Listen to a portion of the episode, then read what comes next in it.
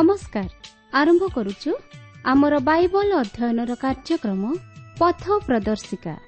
ପବିତ୍ର ବାଇବଲ କହେ ତୁମ୍ଭେ ସର୍ବାନ୍ତକରଣ ସହିତ ସଦାପ୍ରଭୁଙ୍କଠାରେ ବିଶ୍ୱାସ କର ଓ ନିଜ ସୁବିବେଚନାରେ ଆଉଜି ପଡ଼ ନାହିଁ। ଆପଣାର ସବୁ ଗତିରେ ତାହାଙ୍କୁ ସ୍ୱୀକାର କର। ତହିଁରେ ସେ ତୁମ୍ଭର ପଥ ସବୁ ସରଳ କରିବେ।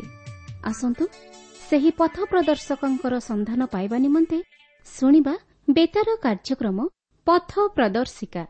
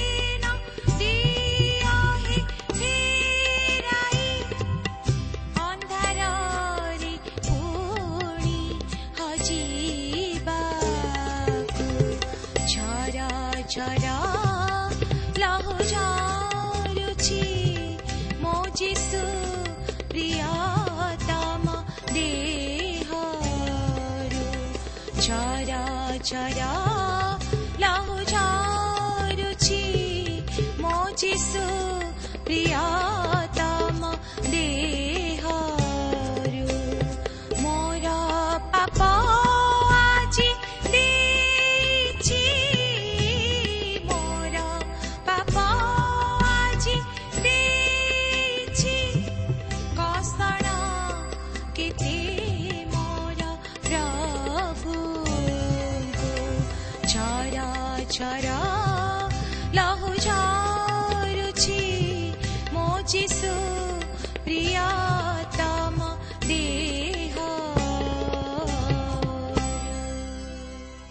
ପ୍ରିୟ ଶ୍ରୋତାବନ୍ଧୁ ଆମର ପଥ ପ୍ରଦର୍ଶିକା ବେତାର ଅନୁଷ୍ଠାନ ପକ୍ଷରୁ ଆପଣଙ୍କୁ ହାର୍ଦ୍ଦିକ ଅଭିନନ୍ଦନ ଓ ପ୍ରୀତି ଶୁଭେଚ୍ଛା ଜ୍ଞାପନ କରୁଅଛୁ।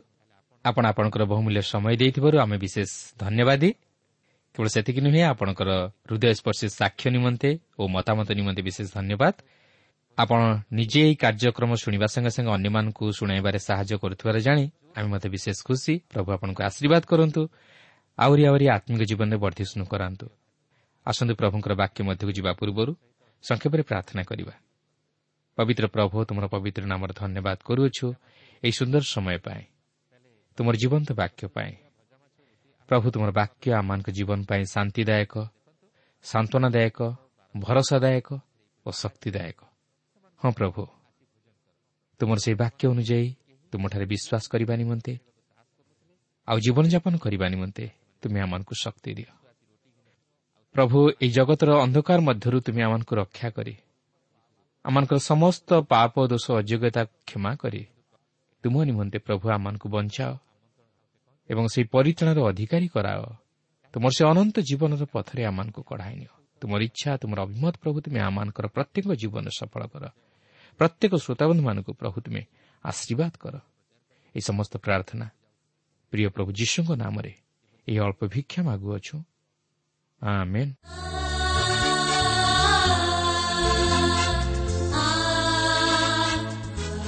ଆସନ୍ତୁ ବର୍ତ୍ତମାନ ଆମେ ପ୍ରଭୁଙ୍କର ବାକ୍ୟ ମଧ୍ୟକୁ ଯିବା ଆଜି ଆମେ ଯୌନ ଲିଖିତ ସୁଷମାଚାରର ଉଣେଇଶ ପର୍ବର ସତର ପଦରୁ ଆରମ୍ଭ କରି ବୟାଳିଶ ପଦ ପର୍ଯ୍ୟନ୍ତ ଅଧ୍ୟୟନ କରିବା ନିମନ୍ତେ ଯିବା। ମୋର ଅନୁରୋଧ ଆପଣ ଆପଣଙ୍କ ନିକଟରେ ଖାତା ଓ କଲମ ରଖନ୍ତୁ ଓ ଆବଶ୍ୟକ ସ୍ଥଳେ ଗୁରୁତ୍ୱପୂର୍ଣ୍ଣ ବିଷୟଗୁଡ଼ିକ ଲେଖି ରଖନ୍ତୁ। ତେବେ ଆମେ ସମସ୍ତ ପଦଗୁଡ଼ିକ ଅଧ୍ୟୟନ କରିବା ପାଇଁ ଯିବା ନାହିଁ ମାତ୍ର ଏହାର କେତେକ ମୁଖ୍ୟ ଅଂଶ ଉପରେ ଟିକେ ଦୃଷ୍ଟି ଦେବା। ଆଜି ଆମେ ପ୍ରଭୁ ଯୀଶୁଙ୍କର ସେହି କୃଷିୟ ମୃତ୍ୟୁ ସମ୍ପର୍କରେ ଆଲୋଚନା କରିବାକୁ ଯିବା। ସେ ସେହି କୃଷ ଉପରେ କେଉଁପରି ଭାବରେ ମୃତ୍ୟୁବରଣ କଲେ ତାହା ଦେଖିବା। ଦେଖନ୍ତୁ ସତର ଅଠର ପଦରେ ଏହିପରି ଲେଖା ଅଛି। ତାହେଲେ ସେମାନେ ଯୀଶୁଙ୍କୁ ଘେନିଗଲେ ଆଉ ଯୀଶୁ ଆପେ କୃଷ ବହି କପାଳସ୍ଥଳ ନାମକ ସ୍ଥାନ ଯାହାକୁ ଏବ୍ରି ଭାଷାରେ ଗଲଗଥା ବୋଲି କହନ୍ତି ସେଠାକୁ ବାହାରିଗଲେ। ସେଠାରେ ସେମାନେ ତାହାଙ୍କୁ କୃଷରେ ଚଢ଼ାଇଲେ ଓ ତାହାଙ୍କ ସହିତ ଆଉ ଦୁଇ ଜଣଙ୍କୁ ଚଢ଼ାଇଲେ ଦୁଇ ପାଖରେ ଦୁଇ ଜଣଙ୍କୁ ଓ ମଝିରେ ଯୀଶୁଙ୍କୁ। ଏହି ଅଂଶରେ ଆପଣ ଲକ୍ଷ୍ୟ କରିବେ ସେମାନେ ଯୀଶୁଙ୍କୁ କୃଷାର୍ପିତ କରିବା ନିମନ୍ତେ ଘିନି ଯାଉଛନ୍ତି। ଓ ଯୀଶୁ ଆପେ କୃଷ ବହି ସେହି ଗଲଗଥା ନାମକ ସ୍ଥାନକୁ ଆସୁଅଛନ୍ତି। ତେବେ ଏହି ସ୍ଥାନ ସେହି ଜିରୁସାଲାମର ପ୍ରାଚୀର ଭିତରେ ନଥିଲା। ମାତ୍ର ଯାହା ଜଣାଯାଏ ଏହା ପ୍ରାଚୀର ବାହାରେ ଅର୍ଥାତ୍ ନଗରର ବାହାରେ ଥିଲା। କାରଣ ପ୍ରଭୁ ଯୀଶୁଙ୍କର ଏହି କୃଷିୟ ମୃତ୍ୟୁ ଏକ ପାପାର୍ଥକ ବଳି ସ୍ୱରୂପ ଥିଲା। ତେଣୁ ପ୍ରଭୁ ଯୀଶୁ ନଗରର ପ୍ରାଚୀରର ବାହାରେ କୃଷାର୍ପିତ ହେବାକୁ ଥିଲା। ଆପଣ ଲେବିୟ ପୁସ୍ତକ ଚାରିପର୍ବର ବାରପଦଟିକୁ ଯଦି ପାଠ କରିବେ ତାହେଲେ ଜାଣିପାରିବେ ଯେ ସେହି ପାପାର୍ଥକ ବଳି ଛାଉଣି ବାହାରେ ସୂଚୀ ସ୍ଥାନରେ ନେଇ ଉତ୍ସର୍ଗ କରାଯାଉଥିଲା। ତେଣୁ ଏହି ପାପାର୍ଥକ ବଳି ପ୍ରଭୁ ଯୀଶୁଖ୍ରୀଷ୍ଟଙ୍କ ପ୍ରତି ଅଙ୍ଗୁଳି ନିର୍ଦ୍ଦେଶ କରୁଥିବାରୁ ଓ ସେହି ଭାବବାଣୀ ଖ୍ରୀଷ୍ଟଙ୍କ ଜୀବନରେ ସଫଳ ହେଉଥିବାରୁ ପ୍ରଭୁ ଯୀଶୁ ଖ୍ରୀଷ୍ଟ ମଧ୍ୟ ସେହି ନଗରର ପ୍ରାଚୀରର ବାହାରେ ହତ ହେବାକୁ ଥିଲା। ସେଥିପାଇଁ ଏବ୍ରି ତେର ପର୍ବର ଏଗାର ଓ ବାର ପଦରେ ଲେଖା ଅଛି କାରଣ ଯେଉଁସବୁ ପଶୁର ରକ୍ତ ପାପାର୍ଥକ ବଳି ସ୍ୱରୂପେ ମହାଯାଜକଙ୍କ ଦ୍ୱାରା ମହାପବିତ୍ର ସ୍ଥାନକୁ ଅଣାଯାଏ ସେହିସବୁ ପଶୁର ଶରୀର ଛାଉଣିର ବାହାରେ ଦଗ୍ଧ ହୁଏ। ଏଥିସକାଶେ ଯୀଶୁ ମଧ୍ୟ ଆପଣା ରକ୍ତ ଦ୍ୱାରା ଯେପରି ଲୋକଙ୍କୁ ପବିତ୍ର କରନ୍ତି ଏଥିପାଇଁ ନଗର ଦ୍ୱାରର ବାହାରେ ମୃତ୍ୟୁଭୋଗ କଲେ। ପ୍ରକୃତରେ ପ୍ରିୟ ବନ୍ଧୁ ପ୍ରଭୁ ଯୀଶୁଙ୍କର କୃଷିୟ ମୃତ୍ୟୁ ସେହି ପାପାର୍ଥକ ବଳି ସ୍ୱରୂପ ଥିଲା। ସେ ଆମମାନଙ୍କର ପାପ ନିମନ୍ତେ ସେହି କୃଷିୟ ମୃତ୍ୟୁଭୋଗ କଲେ। ଯେପରି ତାହାଙ୍କର ସେହି ପବିତ୍ର ରକ୍ତ ଦ୍ୱାରା ଆମ୍ଭେମାନେ ପାପରୁ ଉଦ୍ଧାର ପାଉ। ଦେଖନ୍ତୁ ଏହାପରେ ପିଲାତ କ'ଣ କରୁଅଛନ୍ତି। ଉଣେଇଶ ପଦରେ ଲେଖା ଅଛି। ଆଉ ପିଲାତ ଗୋଟିଏ ଅଭିଯୋଗ ପତ୍ର ମଧ୍ୟ ଲେଖି କୃଷ ଉପରେ ଲଗାଇଦେଲେ ସେଥିରେ ଲେଖାଥିଲା ନାଜରିତ ଯୀଶୁ ଜିହୁଦୀମାନଙ୍କ ରାଜା। ଦେଖନ୍ତୁ ଏହା ହିଁ ଥିଲା ସେମାନଙ୍କର ଅଭିଯୋଗ। ମାତ୍ର ସେମାନେ ତାହାଙ୍କୁ ରାଜା ରୂପେ ଗ୍ରହଣ କରିପାରିଲେ ନାହିଁ। ଆପଣ ଦେଖନ୍ତୁ ଏହି ଅଭିଯୋଗ ପତ୍ରଟି ତିନୋଟି ଭାଷାରେ ଲେଖାଯାଇଥିଲା। ତାହା ହେଉଛି ଏବ୍ରି ଗ୍ରୀକ୍ ଓ ଲାଟିନ୍। ସେହି ସମୟରେ ଏହି ତିନୋଟି ଭାଷା ଅତି ପ୍ରସିଦ୍ଧ ଥିଲା ଯଦ୍ୱାରା ପ୍ରତ୍ୟେକେ ଏହାକୁ ପଢ଼ି ବୁଝିପାରିଥିଲେ ଓ ସେ ଯେ ସମଗ୍ର ଜଗତ ନିମନ୍ତେ ମୃତ୍ୟୁବରଣ କରିଥିଲେ ତାହା ବୁଝିପାରିବେ। ଏହାପରେ ତେଇଶ ଓ ଚବିଶ ପଦ ପାଠ କଲେ ଆପଣ ଜାଣିପାରିବେ ଯେ ସୈନ୍ୟମାନେ ତାହାଙ୍କର ବସ୍ତ୍ର ଘେନି ଚାରିଭାଗ କଲେ ଓ ତାହାଙ୍କର ଅଙ୍ଗରଖା ନିମନ୍ତେ ଗୁଲିବାଣ୍ଟ କଲେ। ଯେପରି ଗୀତ ସଂହିତା ବାଇଶ ପର୍ବର ଅଠର ପଦରେ ଯେଉଁ ଭାବବାଣୀ ହୋଇଥିଲା ତାହା ଯେପରି ସଫଳ ହୁଏ। ଆଉ ସେହି ଭାବବାଣୀ ଏପରି ଥିଲା ସେମାନେ ଆପଣା ଆପଣା ମଧ୍ୟରେ ମୋହର ବସ୍ତ୍ର ଭାଗ କଲେ ପୁଣି ମୋର ଅଙ୍ଗରଖା ନିମନ୍ତେ ଗୁଲିବାଣ୍ଟ କଲେ। ଯଦିଓ ସେହି ରୋମିଓ ସୈନ୍ୟମାନେ ତାହା ଜାଣିପାରି ନଥିଲେ ମାତ୍ର ସେମାନେ ଏହିପରି କରିବା ଦ୍ୱାରା ଭାବବାଣୀକୁ ସଫଳ କଲେ। ଏପରିକି ସେମାନେ ଦୁଇ ଜଣ ଦୁଷ୍କର୍ମକାରୀଙ୍କ ମଧ୍ୟରେ ଯୀଶୁଙ୍କୁ କୃଷରେ ଚଢ଼ାଇବା ଦ୍ୱାରା ସେ ଯେ ଅପରାଧୀମାନଙ୍କ ସହିତ ଗଣିତ ହେଲେ ଏହି ଭାବବାଣୀକୁ ମଧ୍ୟ ସଫଳ କଲେ। ତେବେ ଏହିପରି ଘଟିବ ବୋଲି ପୂର୍ବରୁ ଈଶ୍ୱର ଭାବବାଣୀ ଦ୍ୱାରା ତାହା ପ୍ରକାଶ କରିଥିଲେ। ଏହାପରେ ପଚିଶ ପଦରୁ ସତେଇଶ ପଦ ମଧ୍ୟରେ ପାଠ କଲେ। ଆପଣ ଜାଣିପାରିବେ ଯେ ପ୍ରଭୁ ଯୀଶୁ ଯଦିଓ ସେହି ମୃତ୍ୟୁଭୋଗ କରିବାକୁ ଯାଉଥିଲେ ମାତ୍ର ସେ ତାହାଙ୍କର ମାତାଙ୍କୁ ଭୁଲି ଯାଇନଥିଲେ ତାଙ୍କର ମାତାଙ୍କର ସୁରକ୍ଷା ପ୍ରତି ସେ ଦୃଷ୍ଟି ଦେଇ ଶିଷ୍ୟ ଜୋହନଙ୍କୁ କହନ୍ତି ତାଙ୍କର ଯତ୍ନ ନେବା ପାଇଁ। କିନ୍ତୁ ଏହାର ଅର୍ଥ ନୁହେଁ ଯେ ମରିୟମ୍ ଯୀଶୁଙ୍କର ମାତା ହୋଇଥିବାରୁ ତାହାଙ୍କୁ ବିଶ୍ୱାସ କରିବାକୁ ପଡ଼ିନଥିଲା ମାତ୍ର ତାହାଙ୍କୁ ମଧ୍ୟ ଅନ୍ୟ ବିଶ୍ୱାସୀମାନଙ୍କ ପରି ଯୀଶୁଙ୍କଠାରେ ବିଶ୍ୱାସ କରିବାକୁ ପଡ଼ିଥିଲା। ସେଥିପାଇଁ ସେ ଶିଷ୍ୟ ଜୋହନଙ୍କୁ କହିଲେ ଦେଖ ତୁମର ମାତା। ଅର୍ଥାତ୍ ଏଠାରେ ସେ ତାହାଙ୍କର ମାତାଙ୍କୁ ତାଙ୍କର ବିଶ୍ୱାସୀମାନଙ୍କ ସହିତ ଗଣିତ କରନ୍ତି। ତାଛଡ଼ା ପ୍ରଭୁ ଯୀଶୁ ଯଦିଓ ଜାଗତିକ ଦୃଷ୍ଟିକୋଣରୁ ମରିୟମଙ୍କର ପୁତ୍ର ଥିଲେ ମାତ୍ର ବାସ୍ତବରେ ସେ ତାଙ୍କର ପୁତ୍ର ନଥିଲେ। ମାତ୍ର ସେ ଈଶ୍ୱରଙ୍କ ପୁତ୍ର ଥିଲେ। କିନ୍ତୁ ସେ ତାହାଙ୍କର ମାତାଙ୍କ ନିମନ୍ତେ ଯେପରି ଯତ୍ନ ନେଇଥିଲେ ଓ ତାହାଙ୍କର ସୁରକ୍ଷା ପ୍ରତି ଦୃଷ୍ଟି ଦେଇ ତାହାଙ୍କ ସହ ସହଭାଗିତା ରକ୍ଷା କରିବାକୁ ଚାହିଁଥିଲେ ଆଜି ମଧ୍ୟ ସେ ଆମମାନଙ୍କ ଆବଶ୍ୟକତା ପ୍ରତି ଦୃଷ୍ଟି ଦେଇ ଆମମାନଙ୍କ ସହିତ ସେହିପରି ସହଭାଗିତା ରକ୍ଷା କରିବାକୁ ଚାହାନ୍ତି ଆମେ ଜାଣୁ ଯେ ପ୍ରଭୁ ଯୀଶୁଙ୍କର ମୃତ୍ୟୁରୁ ପୁନରୁତ୍ଥାନ ପରେ ଏହି ମରିୟମ୍ ମଧ୍ୟ ସେହି ଉପର କୋଠରୀରେ ଶିଷ୍ୟମାନଙ୍କ ସହିତ ପ୍ରାର୍ଥନା କରୁଥିଲେ। ଏହାପରେ ମରିୟମ୍ ଯେତେଦିନ ପର୍ଯ୍ୟନ୍ତ ଏହି ଜଗତରେ ବାସ କଲେ ଯୀଶୁଙ୍କର କହିବା ଅନୁଯାୟୀ ଜୋହନ ତାହାଙ୍କର ଯତ୍ନ ନେଇଥିଲେ ଓ ତାହାଙ୍କର ଘରେ ତାହାଙ୍କୁ ରଖିଥିଲେ। ତେବେ ପ୍ରଭୁ ଯୀଶୁ ଯେତେବେଳେ କୃଷ ଉପରେ ଥାଇ କହୁଛନ୍ତି ଗୋ ନାରୀ ଦେଖ ତୁମ୍ଭର ପୁତ୍ର ଏହା ଥିଲା ତାହାଙ୍କର କୃଷ ଉପରେ ସପ୍ତ ବାଣୀ ମଧ୍ୟରୁ ତୃତୀୟ ବାଣୀ। କିନ୍ତୁ ଏହାପରେ ଅଠେଇଶରୁ ତିରିଶ ପଦ ମଧ୍ୟରେ ଆମେ ସେହି ସପ୍ତବାଣୀ ମଧ୍ୟରୁ ଆଉ ଦୁଇଟି ବାଣୀ ଦେଖୁଅଛୁ ଯାହାକି ପଞ୍ଚମ ଓ ଷଷ୍ଠ ବାଣୀ। ଅଠେଇଶ ପଦରେ ଏହିପରି ଲେଖା ଅଛି ଏହାପରେ ଯୀଶୁ ଧର୍ମଶାସ୍ତ୍ରର ବାକ୍ୟ ଯେପରି ସଫଳ ହୁଏ ଏଥିନିମନ୍ତେ ସମସ୍ତ ବିଷୟ ଏବେ ସମାପ୍ତ ହୋଇଅଛି ବୋଲି ଜାଣି କହିଲେ ମୋତେ ତୃଷା ଲାଗୁଅଛି। ତେବେ ଏହା ଥିଲା କୃଷର ସପ୍ତବାଣୀ ମଧ୍ୟରୁ ପଞ୍ଚମ ବାଣୀ। ତାଛଡ଼ା ଧର୍ମଶାସ୍ତ୍ରରେ ଯାହା ସବୁ ପୂର୍ବରୁ ଭାବବାଣୀ ହୋଇଥିଲା ତାହା ଏହି ପ୍ରକାର ସଫଳ ହେଲା। ଗୀତ ସଂହିତା ଅଣସ୍ତରୀ ପର୍ବର ଏକୋଇଶ ପଦରେ ଯେଉଁ ଭାବବାଣୀ ହୋଇଥିଲା ତାହା ଏଠାରେ ସଫଳ ହେଲା।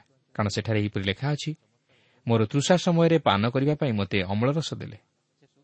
ପ୍ରକୃତରେ ପ୍ରଭୁ ଯୀଶୁ ଯେତେବେଳେ କହିଲେ ମୋତେ ତୃଷା ଲାଗୁଅଛି ସେତେବେଳେ ସେମାନେ ତାହାଙ୍କୁ ଅମଳ ରସ ଯାଚିଥିଲେ। ପ୍ରଭୁ ଯୀଶୁ ଶରୀରରେ ଓ ଆତ୍ମାରେ ସେହି କୃଷ ଉପରେ ଯନ୍ତ୍ରଣା ଅନୁଭବ କରୁଥିଲେ। ଏହାପରେ ତିରିଶ ପଦରେ ଦେଖନ୍ତୁ ଲେଖା ଅଛି ଯାହାକି ଯୀଶୁ କହନ୍ତି ସମାପ୍ତ ହେଲା। ଏହା ଥିଲା ସେହି କୃଷର ସପ୍ତବାଣୀ ମଧ୍ୟରୁ ଷଷ୍ଠ ବାଣୀ। ତେବେ ପ୍ରଶ୍ନ ଉଠେ କ'ଣ ସମାପ୍ତ ହେଲା? ଏହାର ଅର୍ଥ ଆପଣଙ୍କର ଓ ମୋର ଉଦ୍ଧାରର କାର୍ଯ୍ୟ ସମାପ୍ତ ହେଲା। କାରଣ ସେ ଏଥିପୂର୍ବରୁ ପିତାଙ୍କ ନିକଟରେ ପ୍ରାର୍ଥନା କରି କହିଥିଲେ ତୁମ୍ଭେ ଯେଉଁ କର୍ମ ମୋତେ କରିବାକୁ ଦେଇଅଛ ତାହା ମୁଁ ସମାପ୍ତ କରିଅଛି। ଅର୍ଥାତ୍ ଈଶ୍ୱରଙ୍କର ପରିତ୍ରାଣର ଯେଉଁ ଯୋଜନା ଥିଲା ତାହା ପ୍ରଭୁ ଯୀଶୁଙ୍କର ସେହି କୃଷି ମୃତ୍ୟୁରେ ସଫଳ ହେଲା ଓ ସମ୍ପୂର୍ଣ୍ଣ ହେଲା। ତାହାଙ୍କର ଜଗତକୁ ଆଗମନ କରିବାର ଉଦ୍ଦେଶ୍ୟ ସମ୍ପୂର୍ଣ୍ଣ ହେଲା। ସେ ସେହି କୃଷି ମୃତ୍ୟୁରେ ସେହି ବିଜୟକୁ ହାସଲ କଲେ। ସେ ଶୈତାନକୁ ପଦଦଳିତ କଲେ ଓ ଶୈତାନର ଶକ୍ତି ଉପରେ ବିଜୟ ହାସଲ କଲେ। ଏହାପରେ ସେ ମସ୍ତକ ଅବନତ କରି ପ୍ରାଣତ୍ୟାଗ କଲେ। ତେବେ ଏଠାରେ ଯଦିଓ ସେହି ସପ୍ତବାଣୀଟି ପ୍ରକାଶ କରାଯାଇ ନାହିଁ ମାତ୍ର ସେହି ସପ୍ତବାଣୀଟି ତାହାଙ୍କର ମୃତ୍ୟୁ ପୂର୍ବରୁ ପ୍ରକାଶ କରିଥିଲେ ଯାହାକି ମାଥ୍ୟୁ ମାର୍କ ଓ ଲୁକ ସୁଷମାଚାରରେ ଆପଣ ଦେଖିବାକୁ ପାଇବେ। ତାହା ହେଉଛି ହେ ପିତା ତୁମ୍ଭ ହସ୍ତରେ ମୁଁ ଆପଣାର ଆତ୍ମା ସମର୍ପଣ କରୁଅଛି। ତେବେ ଆପଣ ବୋଧହୁଏ ସେହି କୃଷର ସପ୍ତବାଣୀକୁ ଜାଣିବାକୁ ଚାହୁଁଥିବେ? ତାହେଲେ ମୁଁ ବର୍ତ୍ତମାନ କହୁଛି ଆପଣ ଲେଖି ରଖନ୍ତୁ। କୃଷର ସପ୍ତବାଣୀ ମଧ୍ୟରୁ ପ୍ରଥମ ବାଣୀ ହେଉଛି ପିତ ଏମାନଙ୍କୁ କ୍ଷମା କର। କାରଣ ଏମାନେ କ'ଣ କରୁଅଛନ୍ତି ତାହା ଜାଣନ୍ତି ନାହିଁ।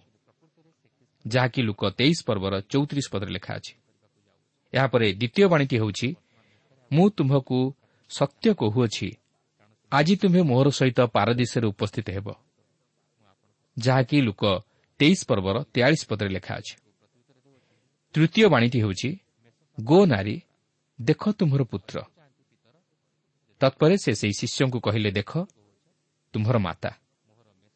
ଯାହାକି ଜୋହନ ଉଣେଇଶ ପର୍ବର ଛବିଶ ପଦରେ ଲେଖା ଅଛି। ଏହାପରେ ଚତୁର୍ଥ ବାଣୀଟି ହେଉଛି ଏଲି ଏଲି ଲାମା ସବକ୍ଥାନି।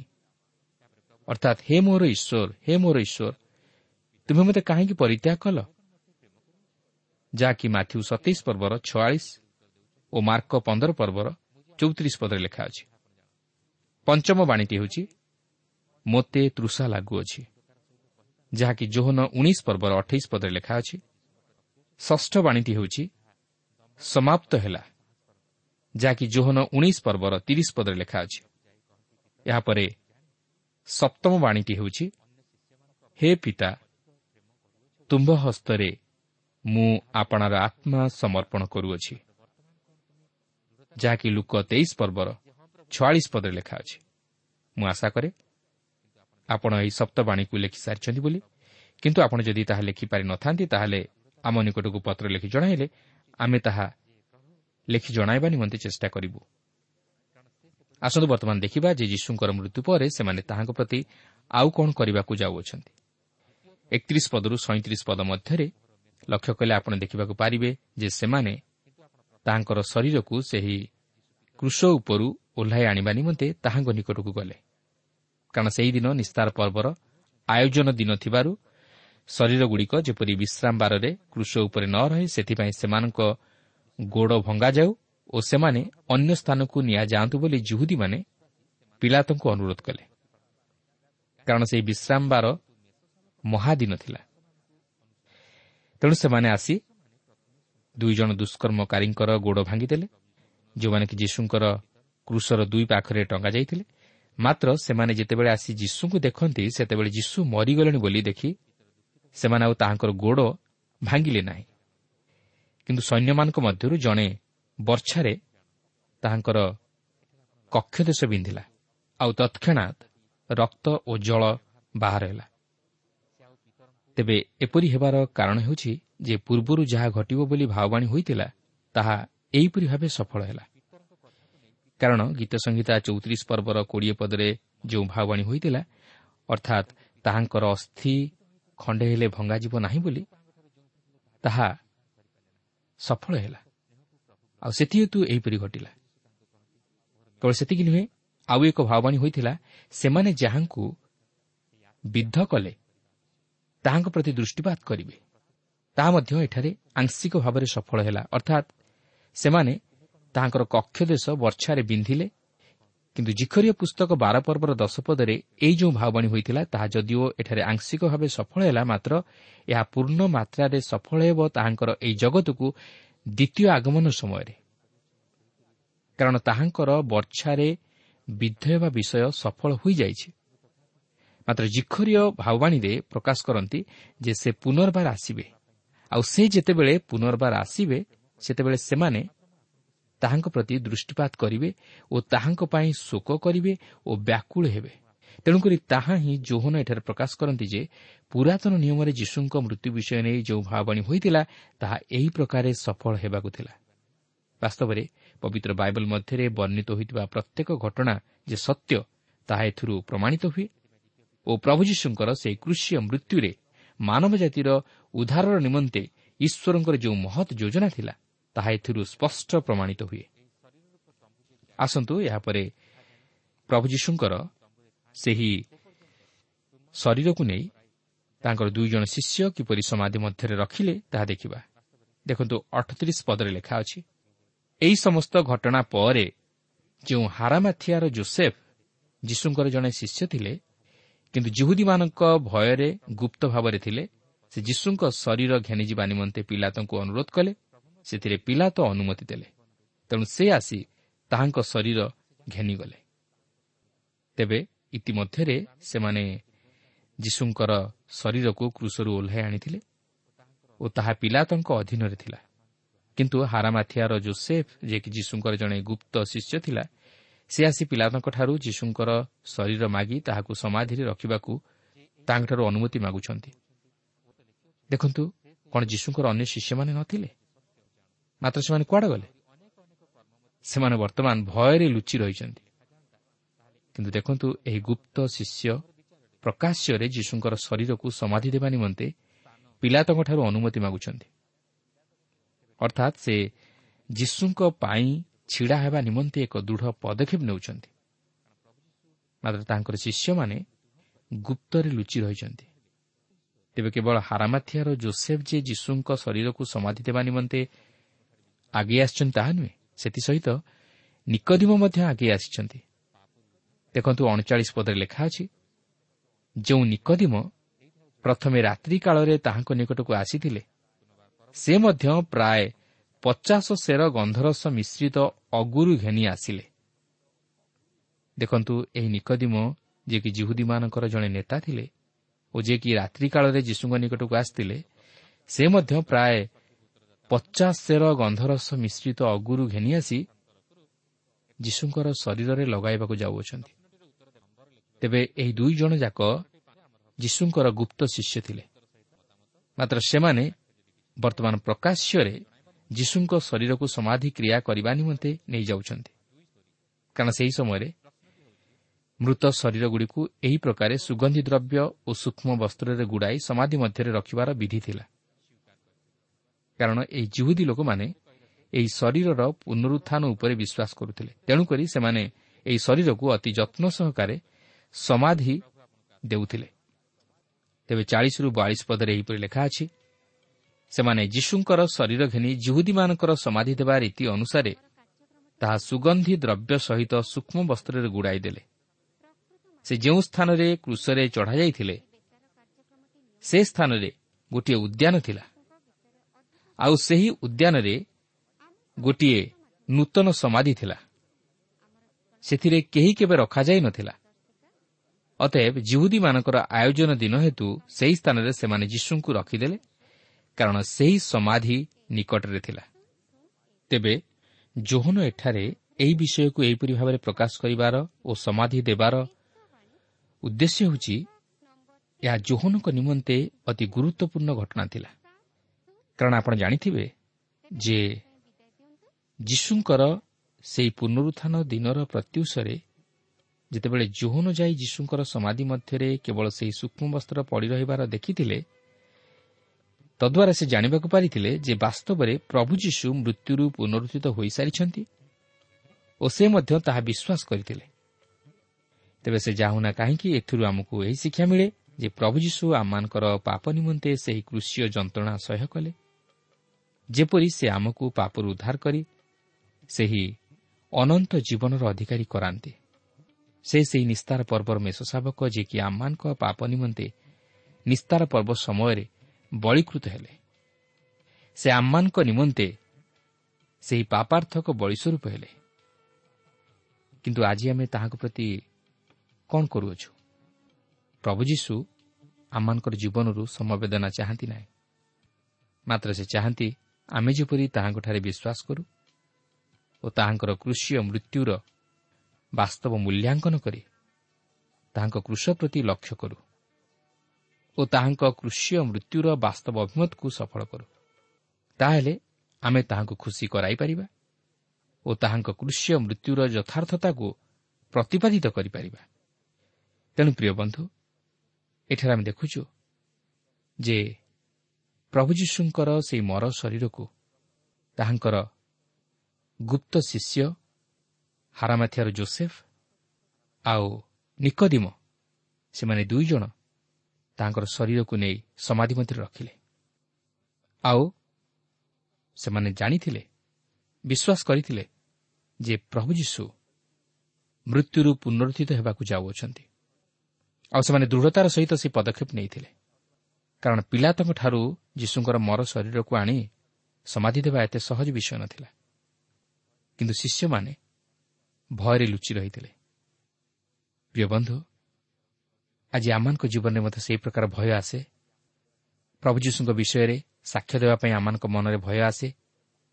ପ୍ରଭୁ ଯୀଶୁଙ୍କର ବିଶ୍ୱାସୀ ରୂପେ ପରିଚୟ ଦେବା ନିମନ୍ତେ ଆମମାନଙ୍କ ମନରେ ଭୟ ଆସେ।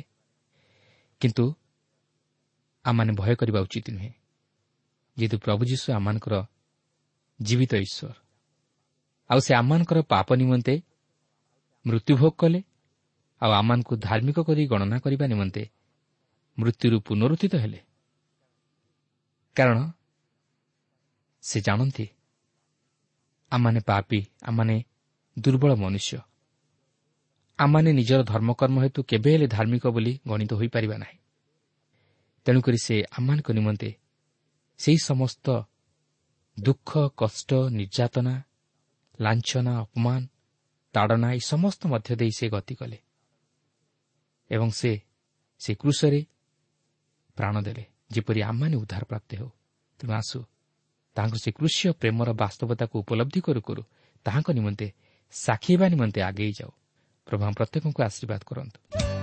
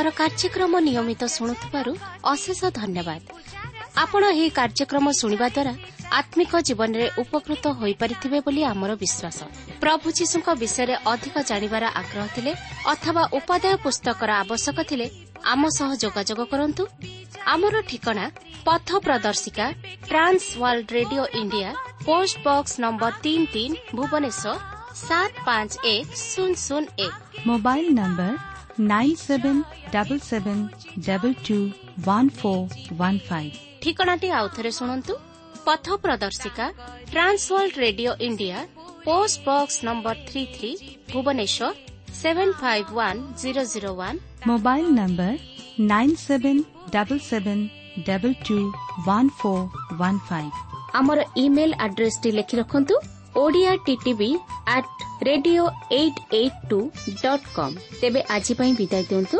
ନମସ୍କାର।